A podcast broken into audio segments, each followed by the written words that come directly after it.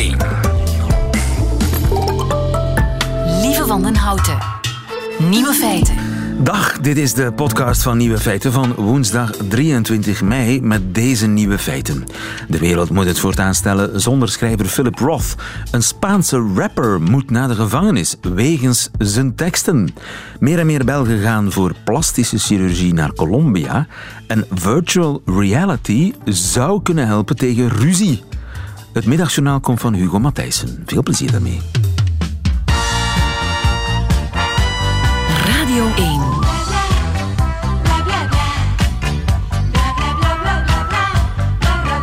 Nieuwe feiten. In de gevangenis vliegen voor een liedje. Het lijkt iets van heel ver in de tijd of heel ver in afstand. Maar het kan vandaag in Spanje. Want tot morgen heeft rapper Vel Tonic de tijd om zich te melden bij de gevangenis.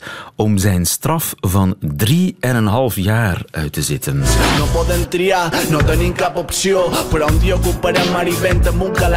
Ik begrijp niet veel van, maar kennelijk is het heel erg. Want genoeg om de Spaanse rapper Vel Tonic te laten veroordelen tot eh, meer dan drie jaar gevangenisstraf. Dag Alex. Hallo.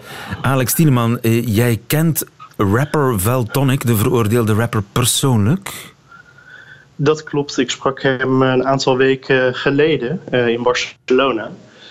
Want toen eh, begon hij aan zijn eh, afscheidstour. En ja, dat moesten de toehoorders wel heel letterlijk nemen. Want het was en is zijn laatste tour voordat hij naar de gevangenis gaat. Dus hij heeft met veel bombardie zijn afscheid gevierd tussen aanhalingstekens. Hij moet wel stoppen, want hij moet naar de gevangenis. Wat heeft hij eigenlijk misdaan? Nou, volgens de Spaanse rechter eh, heeft hij eh, terreur verheerlijkt, eh, doodsbedreigingen geuit en majesteitsschennis gepleegd. En daar staan in Spanje behoorlijk hoge straffen op. En uh, is zeker niet de enige hoor, maar ja, hij moet, moet zich morgen melden om, om zijn straf uit te zitten. Om zijn straf uit te zitten. Hij heeft onder andere gerapt, naar het schijnt. We moeten het paleis bezetten met Kalashnikovs. En de koning is een hoerenlopende olifantenkiller. Klopt dat? Ja, dat is nog maar een kleine greep uit eh, zijn teksten. Valtonik die eh, provoceert eh, graag. Maar dat, dat mag hij ook, vindt hij. Ik heb het er uitgebreid met hem over gehad. Hij zegt, ja, ik ben een kunstenaar en dit is mijn expressievrijheid. En mijn, in mijn teksten ben ik Valtonik. En dan, dan zijn mijn bedreigingen zijn kunst en zijn geen, geen directe aanval op, op wie dan ook.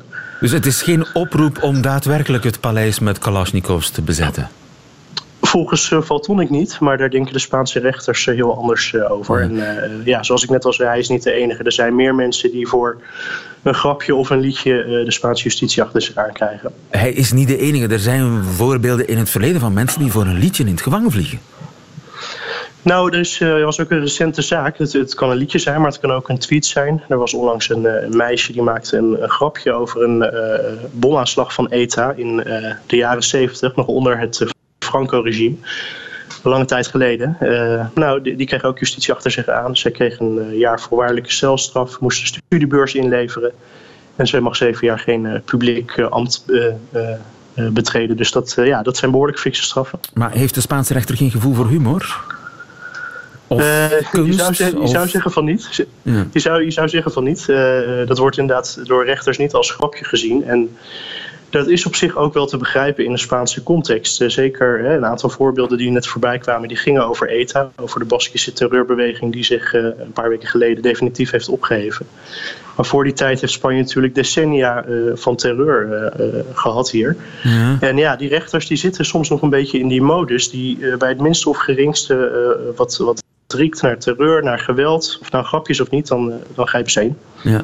En eh, deze rapper, die Veltonic, die heeft vooral eh, tegen het Koningshuis of, of rare dingen over het Koningshuis gezegd. Het is niet zo dat hij IS verheerlijkt of iets, of, of oproept om, om met, met vrachtwagens over de Ramblas te denderen. Nee, dat komt uh, vooralsnog niet in zijn uh, repertoire uh, voor. Wie weet wat de toekomst brengt. Maar uh, nee, Valtonic die, die maakt gewoon de liedjes zoals hij dat wil. Hij is echt een anti-establishment figuur. Dus daarom gaat het vaak tegen de monarchie, tegen de kerk, tegen de burgerij. daar wil hij gewoon alles over kunnen zeggen wat hij wil. En dat kan kennelijk niet in Spanje, want daar is vrijheid van meningsuiting toch iets anders dan bij ons. Ja, zeker. En dat komt ook, uh, ja, ik denk ook wel door een aantal uh, wetten die de afgelopen jaren of zijn aangescherpt uh, of zijn veranderd. En dat, gaat, dat gaat vaak over vrijheid van meningsuiting of over demonstraties ook bijvoorbeeld. En dan moet je toch echt op je tellen passen. Ja, maar het is nu al de tweede keer. Enfin, we hebben ook de, de, hoe de Spaanse regering en de Spaanse justitie reageert op het onafhankelijkheidsstreven in eh, Barcelona. Wat toch een klein beetje de wenkbrauwen doet fronsen in de rest van Europa. Nu dit, is Spanje eigenlijk wel een, een verlicht, modern, liberaal land? Nou, een modern land is, is Spanje wel, maar uh, ja, ik zou zelf zeggen, ik, ik woon hier al een paar jaar. Het is ook fragmentarisch. Wat ik net al zei, uh, Spanje heeft natuurlijk een hele andere geschiedenis dan veel andere Europese landen. Tot 78 waren zij een dictatuur. Uh, dit jaar wordt 40 jaar grondwet gevierd. Dus het is, het is een jonge democratie. Tel daar de, de heftige ETA-terreur bij op waar ik het net over had. Ja. En dan ja, kan je dit soort zaken misschien ook beter in een context plaatsen. Ja. De, hij zou plannen hebben om naar België te vluchten. Ik heb het gehoord, ja. Hij Klopt zou uh, Puigdemont achterna willen. Puigdemont uh, achterna, inderdaad. Ik heb het nog niet bevestigd gekregen. Uh, het kan ook heel goed dat het een grap is, want uh, Valtonic ziet zich ook uh, vooral als een, een queryland, als een grappenmaker. Um, er zijn al allerlei foto's op zijn Twitter verschenen dat hij in Rome was of in, in allerlei andere ja, ja. steden op de wereld. Want dat is dus de grote vraag, waar is, hij nu? Is. waar is hij nu? Dat weet niemand. Waar is Valtonic nu? Ja, dat, dat is de vraag. Daar Oei, waar uh, ben jij intussen? Want de, de... En, uh, we, gaan, we gaan het zien. We hebben een klein beetje een probleem met de, de Skype-verbinding, maar ik denk dat we de essentie van het verhaal uh, begrepen hebben. Hij doet er een beetje laconiek over, Veltonic, maar ja, de grap eindigt morgen, want dan moet hij zich melden bij de gevangenis om zijn straf van 3,5 jaar uit te zitten. Dankjewel, Alex, in Barcelona voor ons, Alex Tieneman. Nieuwe feiten. Wakker worden met het nieuws dat mijn lievelingsauteur is gestorven. Ik ween alsof iemand die ik heel goed gekend heb er niet meer is. Schrijft op Twitter Anne de Kramer. Goedemiddag, Anne. Goedemiddag, lieve. Je was er echt van aangedaan. Anne de Kramer, je bent zelf schrijver van het nieuws dat schrijver Philip Roth is uh, overleden. Ja, absoluut. Ik kon, uh, ik kon niet goed slapen vanmorgen. En uh, het klinkt natuurlijk belachelijk om te zeggen alsof ik voelde dat er iets aan de hand was. Maar um, ik was wat ziek de voorbije dagen. Ik was vroeg wakker. En uh, slechte gewoonte, uh, on Twitter checken. En het nieuws stond er net op. Um, en ja, ik heb echt gehuild. En, en ik weet nog tegen mijn ex-vriend um, aan de universiteit, waar ik Philip Roth heb leren kennen door de fantastische professor Christian Bersluis. Ik weet nog dat ik toen tegen mijn vriend zei, de dag dat Philip Roth sterft, um, zal ik huilen. En, en hij deed daar toen toch een klein beetje mee waardig om. Ja, je kent die man helemaal niet. Maar ik zei, ja, ik, ik ken hem wel. Want als je zo van iemands boeken houdt... En, en, en intussen zijn we, uh, ik ben 37, intussen zijn we bijna 20 jaar na die universiteit. Als je een auteur 20 jaar, als het ware, als, die, als het ware 20 jaar op je schouder zit. En als, als je die leest en blijft lezen, ja, dan is, dan is dat alsof er iemand sterft die je kent. En ik kreeg vanmorgen een sms van mijn ex-vriend met de vraag: En heb je nu echt gehuild? En ik zei ja. ja. ja. Dus het is iemand die jij ontdekt hebt aan de universiteit en die ja. al die tijd bij je was. Heeft hij je aan het schrijven gezet, denk je? Ik denk dat hij daar zeker een rol heeft in gespeeld. En ik zal nooit nog maar tot aan zijn enkel komen, of zelfs daar niet. Maar wat mij in hem altijd heeft geïnspireerd, of toch als een soort voorbeeld uh, heeft gediend, was, was het feit dat hij heel vaak heeft geschreven over zijn eigen buurt, waarin hij opgroeide, zijn eigen stad. Uh, in een heel specifieke buurt zelfs, Wiekwahik. Um, ik heb ook tot nu toe de romans, de drie romans die ik schreef, uh, spelen zich af um, ja, in Tielt, in West-Vlaanderen, in de streek waar ik opgroeide. En mensen hebben daar wel een keer meewarig over gedaan. Maar ik heb vaak gedacht, ja, de grote verhalen of, of, of, of goede verhalen kunnen ook in het, in het heel kleine zitten. In, het universele kan in het particuliere zitten. En, en dat is toch een van de dingen, een van de heel vele dingen die ik, die ik van um, heb geleerd. Naar het schijnt uh, heeft hij zijn volk leren masturberen. Tenminste, uh, ja. Obama heeft daarop gealludeerd. Uh, ja, nog toen... een van zijn vele verdiensten. Die mogen we ook niet vergeten. Dit mogen we niet vergeten. Nee. Hoe, hoe, hoe is hij aan die reputatie gekomen? Door Partners Complaint, geloof ik, hè? Ja, de Portnoy's Complaint, waarin hij onder meer uh, als, als tiener uh, masturbeert in een, in een wc-rolletje, in een stuk lever, uh, stuk vlees dus, dat zijn moeder heeft meegebracht van, van de slager, de, de buurtslager. Dus ja, toen ik dat ook las als 18-jarige, wist ik wel al hoe dat moest, maar het was toch... Um, ja, jij, met die lever kon je niet zoveel aanvangen natuurlijk. Nee, met die lever kon ik zelf niet zoveel aanvangen, maar... Um, ik, ik wist wel al wat het was en zo, dat wel. Maar uh, in het Amerika van zijn tijd ja, was dat natuurlijk chockerend. En ik heb uh, veel, veel interviews gelezen.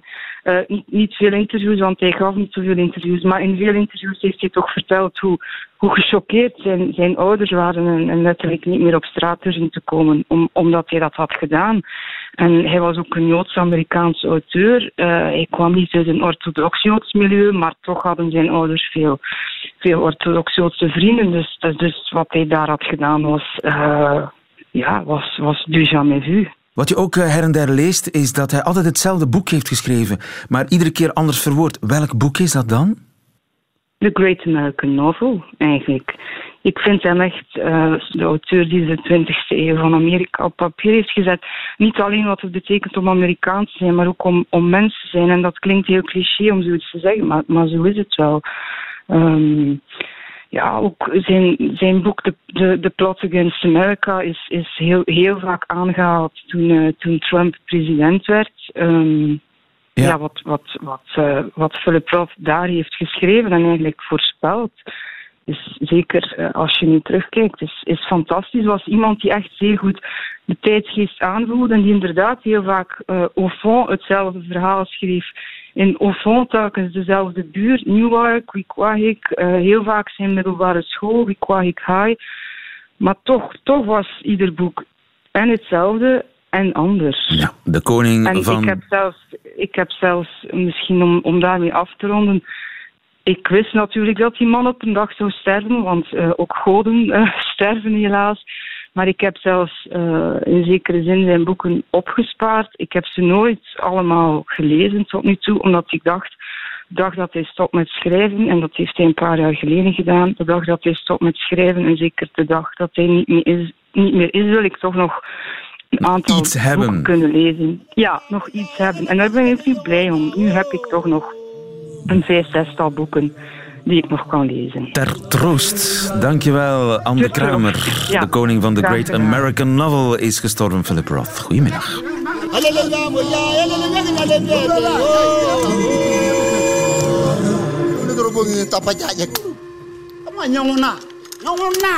Kun je een oorlog stoppen met virtual reality? Tim van Deurzen probeert het. Dag Tim. Hey, hallo. Tim, we hoorden daarnet uh, uh, krijgers uit het noorden van Oeganda. Ja. Die al jaren met elkaar op de vuist gaan. Uh, ja. Jij hebt een high-tech bedrijfje in Nederland en je hebt twee Oegandese aardsvijanden bij elkaar gebracht. Wie zijn die mannen? Ja, dat is, uh, dat is wel een bizar verhaal. Hè? Dat zijn, uh, dat zijn twee, uh, twee krijgers uit het noorden van, van Oeganda. En die hebben we, nou, die zijn, die zijn, die zijn natuurlijk zijn in conflict geweest, jarenlang. Dat is echt een gewapende strijd geweest. En dat ging eigenlijk over, ja, over vee. Dus die stalen, die stalen koeien van elkaar. En dat ging er, ja, dat ging er, dat ging er hard aan toe. Ja, en dat is al decennia zo, hè? In Karamoja, ja. zo heet die streek in het noorden van Oeganda. En ik dacht dat daar al sinds 2006 begonnen waren met ontwapening. Ja, dat is helemaal juist. Ja, ja klopt. Ja. Dus, dus het leger heeft op een gegeven moment wel echt alle wapens daar weggehaald. Maar ja, dan heb je op een gegeven moment wel dat de strijd eigenlijk wel voorbij is. Hè. Dus dat ze elkaar niet meer actief uh, te lijf gaan. Maar ja, daar zijn natuurlijk nog steeds uh, spanningen. Uh, en, ja, dat, en dat wat, gaat soms gepaard met bruut geweld. Ja, dat zou, dat, ja, precies. Dat kan nog steeds. In die regio heb je nog steeds inderdaad dat dat vrij vaak nog kan ontsporen, ja. Het zijn echt aardsvijanden en die, die doden mekaars kinderen en zo, hè? Ja, dat is, ja, dat is gelukkig. Nu is dat uh, door allerlei uh, in, in, in, ja, inzet van, van, van, van partijen is het allemaal gelukkig wel stukken minder geworden. Maar dat is er wel echt heel erg heftig geweest, ja. ja. Dat klopt. En nu heb jij twee stamhoofden van twee stammen die elkaar al decennia lang naar het leven staan. Die heb jij op de een of andere manier bij elkaar gebracht. Uh, ja. Het lijkt mij niet zo simpel om hen te overtuigen om aan jouw experiment mee te werken. Nee, dat had, eh, dat redelijk wat, uh, wat voeten in de aarde. Ja, dat klopt. Ja. We hebben dan een, een concept ontwikkeld om, ja, om, om, om ze te laten kennismaken met de ander middels virtual reality.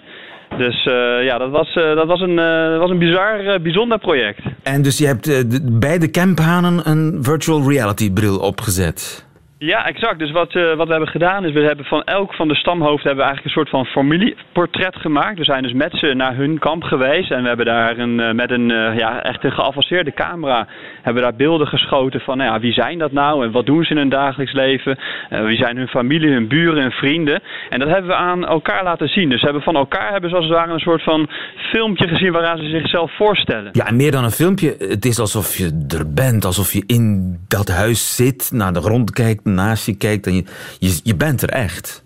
Ja, en dat is, dat, dat is echt die kracht van virtual reality. Daarom hebben we, dat, uh, ja, daarom hebben we daarvoor gekozen om dat uh, op die manier te doen. Zodat ze niet alleen zelf uh, die ervaring hebben dat ze echt er zijn, maar ook als jij als kijker deze documentaire gaat bekijken, dat je ook echt het gevoel hebt dat je naast ze staat en dat je dus kan zien wat zij doormaken. Ja, en ze, ze, ze schudden je als het ware de hand. wat deed dat met hen? Ja, dat is echt bizar om te zien. Dan merk je wel, wij in het Westen zijn natuurlijk best wel wat gewend wat media betreft en qua bioscopen en qua beeld. Maar als je dan afreist naar echt ja, het meest afgelegen puntje in Oeganda bijna en je komt daar met een virtual reality bril, ja, dan merk je echt wat zij, wat zij hadden is dat ze dus echt dachten dat het echt was. Dus dat het beeld was op dat moment zagen dat het zich op dat moment afspeelde. Terwijl het natuurlijk een opgenomen, een opgenomen beeld was. Ja. Dus dat creëert hele grappige, uh, grappige situaties, creëert het wel. Ja, doe mij een beetje denken aan, aan het begin van de bioscooptijd, toen mensen, als het heel spannend werd, soms de zaal uitliepen ja, in ja, doodsangst. Ja. Precies, ja. Dat is exact. En uh, heeft dat ook een zekere empathie gekweekt bij de campanen? Empathie voor de vijand? Ja, nou dat was eigenlijk waarom we het hele project zijn gestart. Hè. Dus er zit natuurlijk een, een, een, een doel achter. Het, is een, uh, het is iets waar ik al jaren mee rondliep om te bedenken van... Hey, wat zou er nou gebeuren als je echt... Er zijn natuurlijk zoveel conflicten overal. Uh, wat zou er gebeuren als je echt de individu uit zo'n conflict trekt? Hè? Dat, kan een, dat kan, elke, kan bijna elke willekeurige oorlog of conflict zijn die je maar kan bedenken. Maar wat als je de individu eruit haalt en je zou ze bij wijze van spreken naast elkaar kunnen zetten? Ze zouden gewoon eens praten over andere dingen dan het conflict. En eigenlijk die theorie, ja, die konden we nu heel goed toetsen met, uh, met virtual reality. Want dan hoef je natuurlijk niet echt bij elkaar te zitten.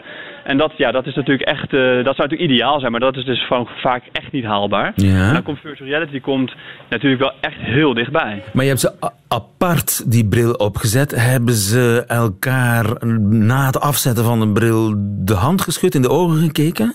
Ja, dat is natuurlijk, daar eindigen we de documentaire, eindigen we met die cliffhanger. Van, ah, oh ja, sorry. ik heb het eigenlijk al een beetje verklapt. Wat zou er nou gaan gebeuren? Dus je moet wel de documentaire gaan zien, wil je daar, uh, daarachter komen. Maar ik ga je wel alvast verklappen, uh, je komt er ook niet achter als je de documentaire kijkt. Maar daar gaan we dus een vervolg nog voor maken, want we willen daar... We willen daar ja, maar ik wil natuurlijk wel weten of het werkt. Ja, ja, ja. ja dan, moet je mij maar, uh, dan moet je mij maar geloven. Dat het werkt. Uh, dat het werkt, inderdaad. Ja, kijk, daar zijn, daar zijn heel veel onderzoeken zijn er inmiddels gaande en uh, geweest die echt wel laten zien ook hè, dat je met virtual reality dat dat in het brein anders registreert. En je maakt het anders mee dan als je een gewone video bekijkt. Ja. Uh, dus vandaar dat we deze theorie, uh, dat we die wel goed konden staven eraan. Maar je ziet het ook, hè? ook als je zelf de documentaire bekijkt. Je hoeft niet eens tot het einde te, te wachten. Je ziet ook echt wel wat het met mensen doet.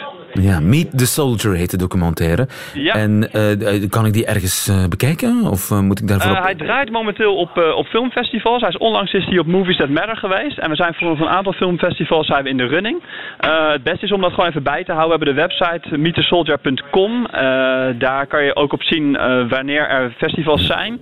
Uh, uiteindelijk gaat hij later dit jaar gaat hij gewoon beschikbaar komen online. Dan kan iedereen hem uh, Oké, okay, nog even geduld nog. heb jij nu ja, de heilige graal gevonden? Ga jij het Palestijnse-Israëlische conflict oplossen met virtual reality brillen?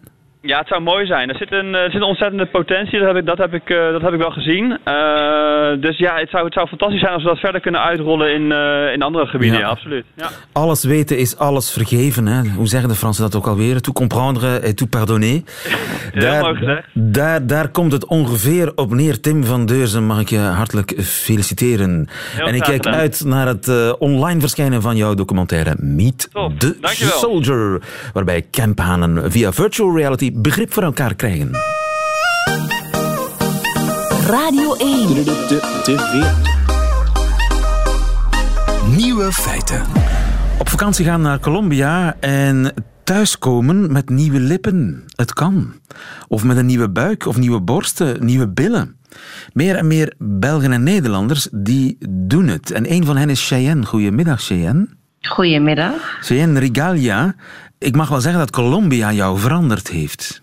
Ja, dat klopt zeker. Wat is er allemaal aan je veranderd in Colombia? Mag ik dat vragen? Ja, tuurlijk. Mijn uiterlijk is veranderd, mijn innerlijk is veranderd, uh, mijn job is veranderd. Colombia heeft alles aan mij veranderd. Heel wat. Laten we bij je uiterlijk beginnen. Ja. Uh, mijn uiterlijk. Ik heb jaren geleden heb ik een liposculptuur laten doen in Colombia. Daar hebben ze vijf liter vet weggehaald. Dus Hoeveel? ik was meteen een stuk vijf slanker. liter? Vijf liter, ja. en ik heb een borstvergroting gedaan. En waarom heb je dat in Colombia gedaan? Is het daar zoveel goedkoper dan? Destijds wel. Tien jaar geleden was het veel goedkoper. Maar ik ging vooraf voor de specialiteit. Mijn moeder die was eigenlijk al drie keer in Nederland geopereerd aan haar borsten. En dat ging elke keer mis.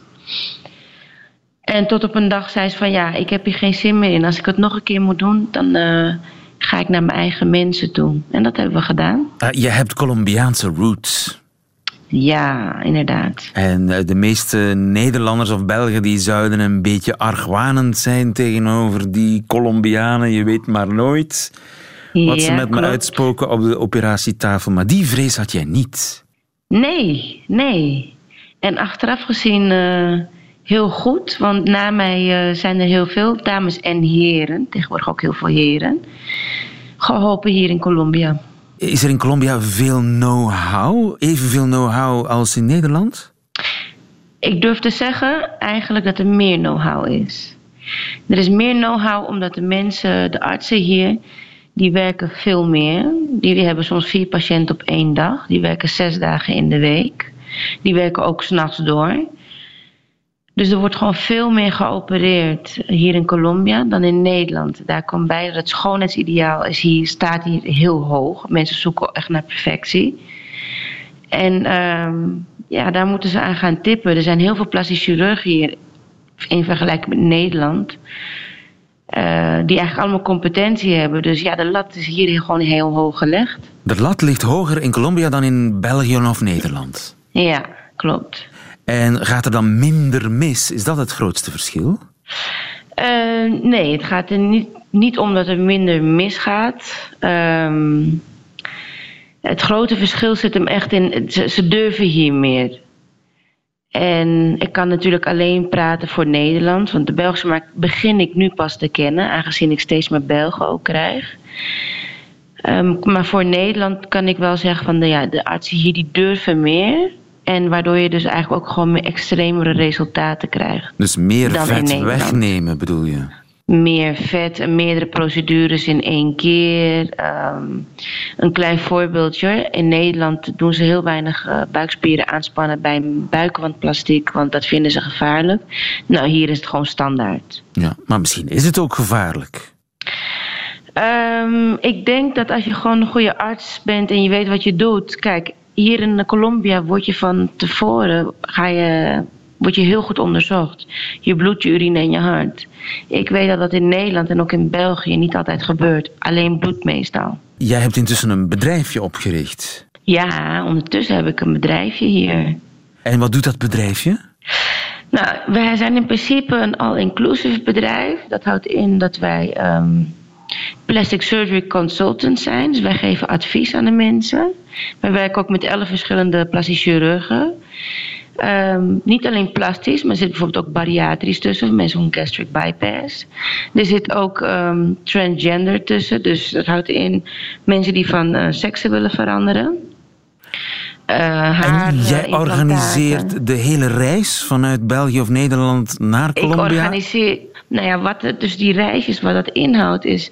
Ik heb klanten ook uit Amerika en uit Canada. Nou, die komen allemaal wel alleen en die worden opgevangen door mijn personeel. Maar de Nederlander, die is altijd een beetje bang om alleen af te reizen. Omdat ja, er is een taalbarrière en Colombia, Colombia is toch best wel eng. En het is ver. Dus ik heb eigenlijk bedacht jaren geleden van ik, ik ga beauty tours organiseren. En dan gaan we dus met een groepje, Nederlanders en Belgen, vliegen we dus allemaal gezamenlijk die kant op.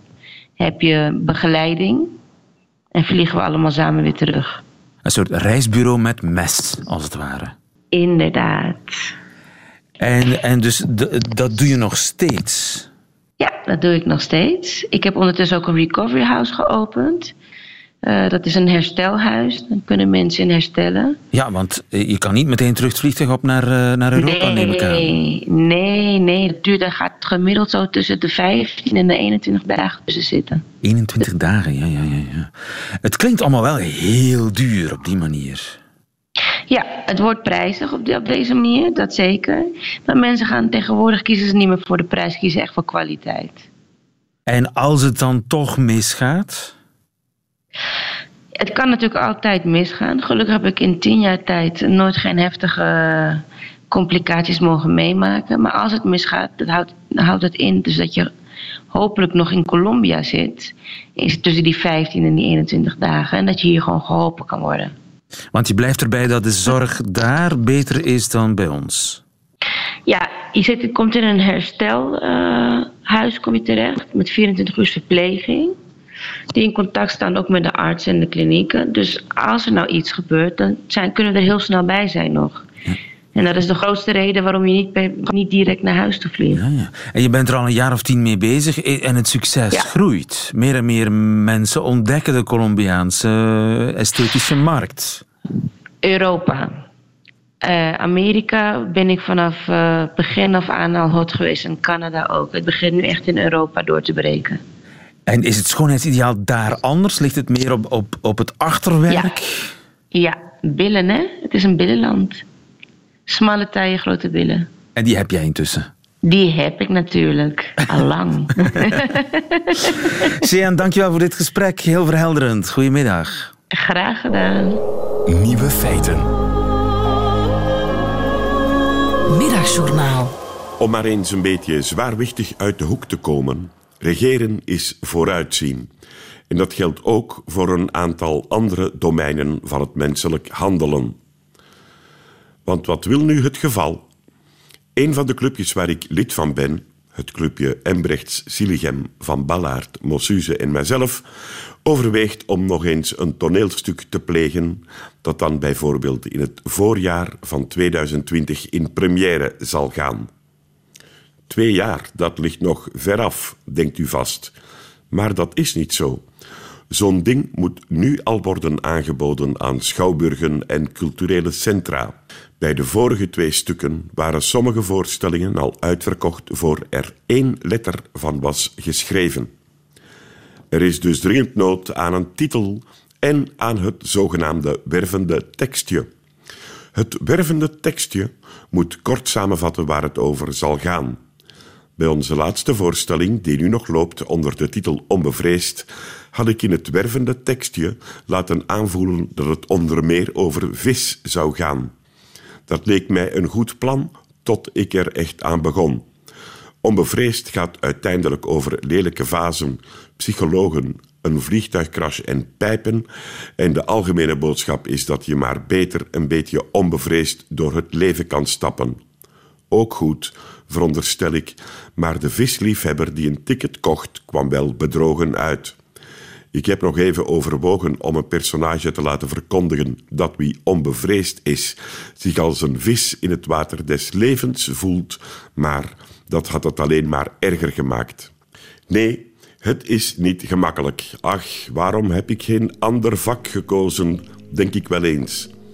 Had ik maar een ander vak gekozen, is op zich ook geen slechte titel. Het is herkenbaar, want iedereen moet keuzes maken in het leven, maar het is een beetje lang. En herkenbaarheid is misschien wel een beetje passé. Dan maar iets waar geen touw aan vast te knopen valt mode en metafysica, bijten in het biljart, miskende muggen. Nee, zo geraken we ook niet verder. En daarom zeg ik tot slot: Lieve Jezus, als gij bestaat, zend mij dan alsjeblieft een titel. Dank u. En een bijhorend wervend tekstje zal eveneens in dank worden aanvaard.